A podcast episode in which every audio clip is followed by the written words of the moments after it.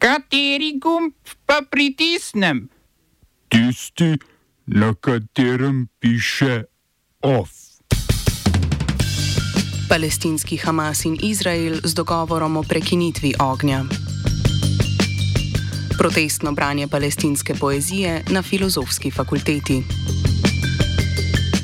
SDH v nakup delnic manjšinskih lastnikov petih elektrodistributerjev. KPK pri reguliranju proizvodnje energije iz obnovljivih virov ni ugotovila nasprotja interesov državne sekretarke Tine Sršen. V kulturnem obzorniku performance, animacija in kratke zgodbe v Kinu Šiška.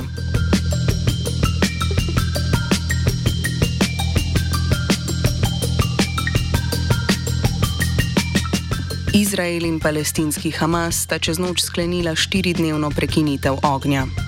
V Katarju, ki je pri pogajanjih posredoval, pravijo, da bo premirje v veljavo stopilo v roku 24 ur od sklenitve. Iz Hamasa so sporočili, da bo to jutri ob 10. zjutraj po lokalnem času. V Hamasu trdijo, da gre za humanitarno premirje. Izrael bo, kakor dogovor razumejo v Hamasu, izpustil 150 palestinskih žensk in otrok zaprtih v izraelskih zaporih.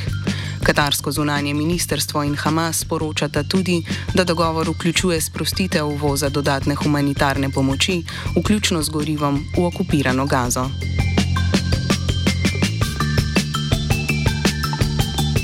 Izrael po trditvah Hamasa v času premirja ne bo izvajal vojaških operacij in aretacij ljudi na območju Gaze. V kabinetu izraelskega premijeja Benjamina Netanjahuja na mesto o premirju govorijo o zatišju, izraelska vojska pa uporablja izraz operativni premor. Hamas bo, kot trdijo Izraelci, izpustil 50 od nekaj prek 200 talcev, ki so jih borci zajeli v operaciji 7. oktobra. Na glasovanju na izraelski vladi so proti dogovoru glasovali ministr za nacionalno varnost Itmar Ben-Gvir in še dva ministra iz njegove desničarske ortodoksne stranke Judovska moč.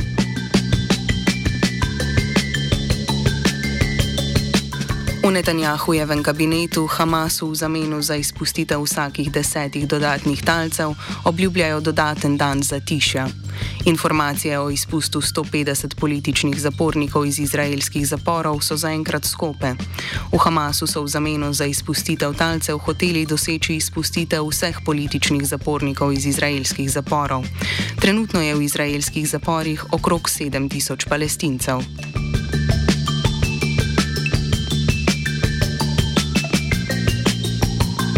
Izraelska vojska medtem še zmeraj lomasti po Gazi in Zahodnem bregu. Samo v zadnji noči je v begunskih taboriščih in v okolici bolnišnic v Gazi ubila 100 palestincev, na Zahodnem bregu pa 6. Skupno je pod orožjem izraelske vojaške mašinerije od 7. oktobra v Gazi umrlo prek 14 tisoč ljudi.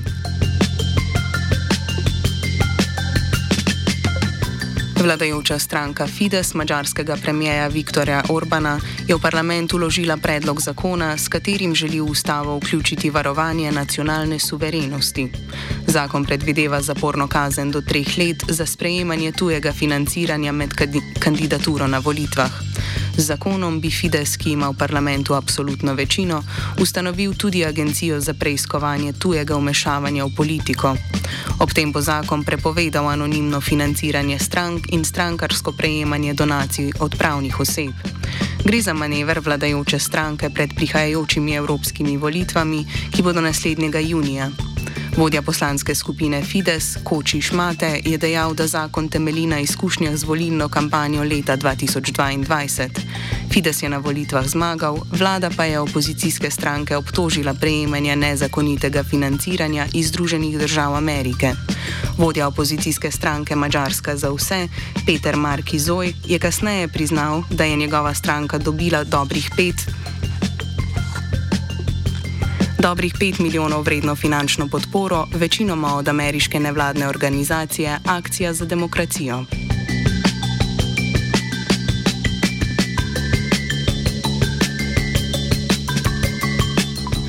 Nigerska hunta, ki od konca julija vodi vlado v sahelski državi, je zaprosila sodišče gospodarske skupnosti zahodnoafriških držav, znane kot ECOWAS, da skupnost umakne sankcije proti Nigru.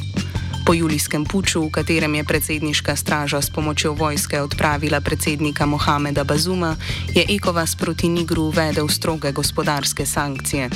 V sklopu sankcij so sosednje države zaprle meje z Nigrom. Nigerija, ki je Nigru dobavljala več kot 70 odstotkov električne energije, pa je dobavo elektrike prekinila. Poleg tega v državi primankuje zalog v lekarnah, zaradi naraščajočih cen pa propadajo tudi podjetja. Finančno pomoč Nigru so zamrznile tudi Združene države Amerike, Evropska unija in Francija. Vladni predstavniki Nigra trdijo, da je Ekovas Nigru po državnem udaru naložil teže sankcije kot preostalim sahelskim državam, v katerih je preko puča zavladala vojska. Odvetniki Ekovasa trdijo, da nigerska vlada nima pooblastil za sprožitev zahteve o umiku sankcij na sodišču, saj sam vojaške hunte ne priznava kot legitimne. Smo se osamosvojili, nismo se pa osvobodili. Naslednje število je še 500 projektov. Izpiljene modele, kako so se strani nekdanje LDS rotirali. Ko to dvoje zmešamo v pravilno zmes, dobimo zgodbo o uspehu. Takemu političnemu razvoju se reče udar. Jaz to vem, da je nezakonito, ampak kaj nam pa ostane? Brutalni obračun s politično korupcijo. To je Slovenija, tukaj je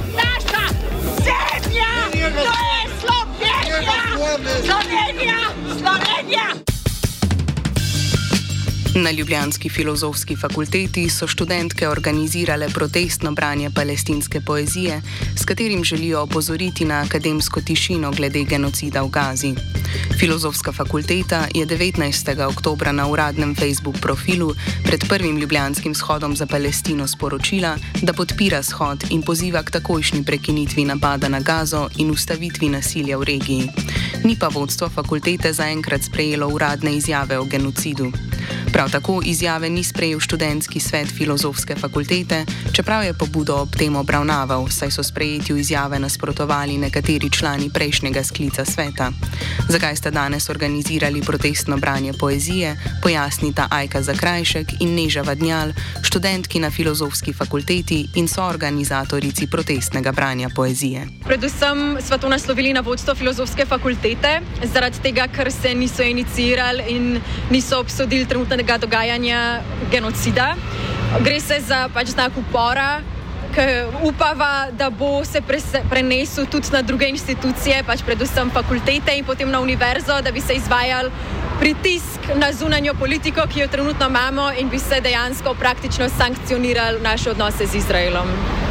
Uh, zdi se nam tudi pomembno izpostaviti, da je velika sramota, da humanistična fakulteta v Ljubljani ni podala še nobenega uh, statementa glede tega, kar se dogaja. Formo poezije smo si pa zbrali ravno zato, ker se nam zdi, da nosi vso osebno in kulturno noto, ki jo spregledamo velikrat, ko se pogovarjamo o tem dogajanju in ga v bistvu opisujemo samo številkami in nekimi uh, abstraktnimi besedami. Tukaj pa se mi zdi, da smo hoteli izpostaviti to, kako je to pač realna situacija za tako veliko število ljudi in tudi za palestince, ki živijo v Sloveniji. Včeraj smo dejansko dobili odziv od dekanje Mojce Šlamberger, um, ki je sicer podprla to, da bomo danes brali poezijo, ampak. In neka, na koncu je dodala, da podpirajo vse naše proteste in vse, kar bomo naredili, ampak je bilo zelo zveneti, da oni pa pač ne bodo ničesar inicirali. Pač, in pač s tem imamo mi težavo. Odgovornost se je spet prenesla na študente, ne pa dejansko na ljudi, ki imajo tukaj moč in vplivnost in bi se jih definitivno ja. poslušali. Ja, točno to. Sramota. Slovenski državni holding je začel proces odkupovanja delnic manjšinskih lastnikov petih elektrodistribucijskih podjetij. Na SDH-ju so manjšinske delničarje elektro elektrodistributerjev povabili naj izkažejo interes za prodajo lastnih delnic. Država je direktna lastnica skoraj 80 odstotkov delnic v vseh petih regionalnih distributerjih. Z nakupom delnic malih lastnikov bi država postala edini lastnik in bi tako lahko izvedla prestrukturacijo elektroenergetike. Namen vlade je namreč združiti pet elektrodistribucijskih podjetij v dve večji, zahodno in vzhodno. Prejšnji teden so se mali delničari že sestali s predstavniki SDH-ja. Po poročanju časnika Delo so delničari za svoje delnice želeli dobrih 70 odstotkov knjigovodske vrednosti, SDH pa jim je ponudil 40 odstotkov. Po izračunu dela je država torej pripravljena ponuditi 89 milijonov evrov, na drugi strani pa so vlagatelji pričakovali 156 milijonov.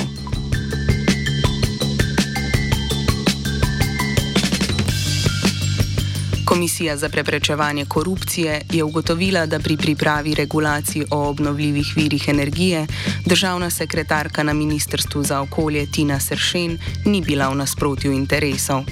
Na komisiji so ocenili, da določbe zakona o uvajanju naprav za proizvodnjo energije iz obnovljivih virov in povezanega pravilnika izredno ne urejajo pravic, razmeri ali obveznosti za poslovni subjekt Svaka Tine Sršen oziroma ne določajo izključne pravice posameznemu pravnemu subjektu.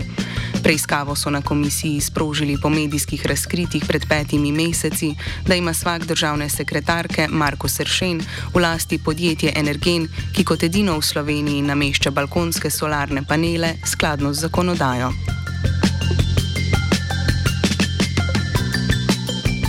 Of je s pomočjo Martina in Neve pripravil vajenec David.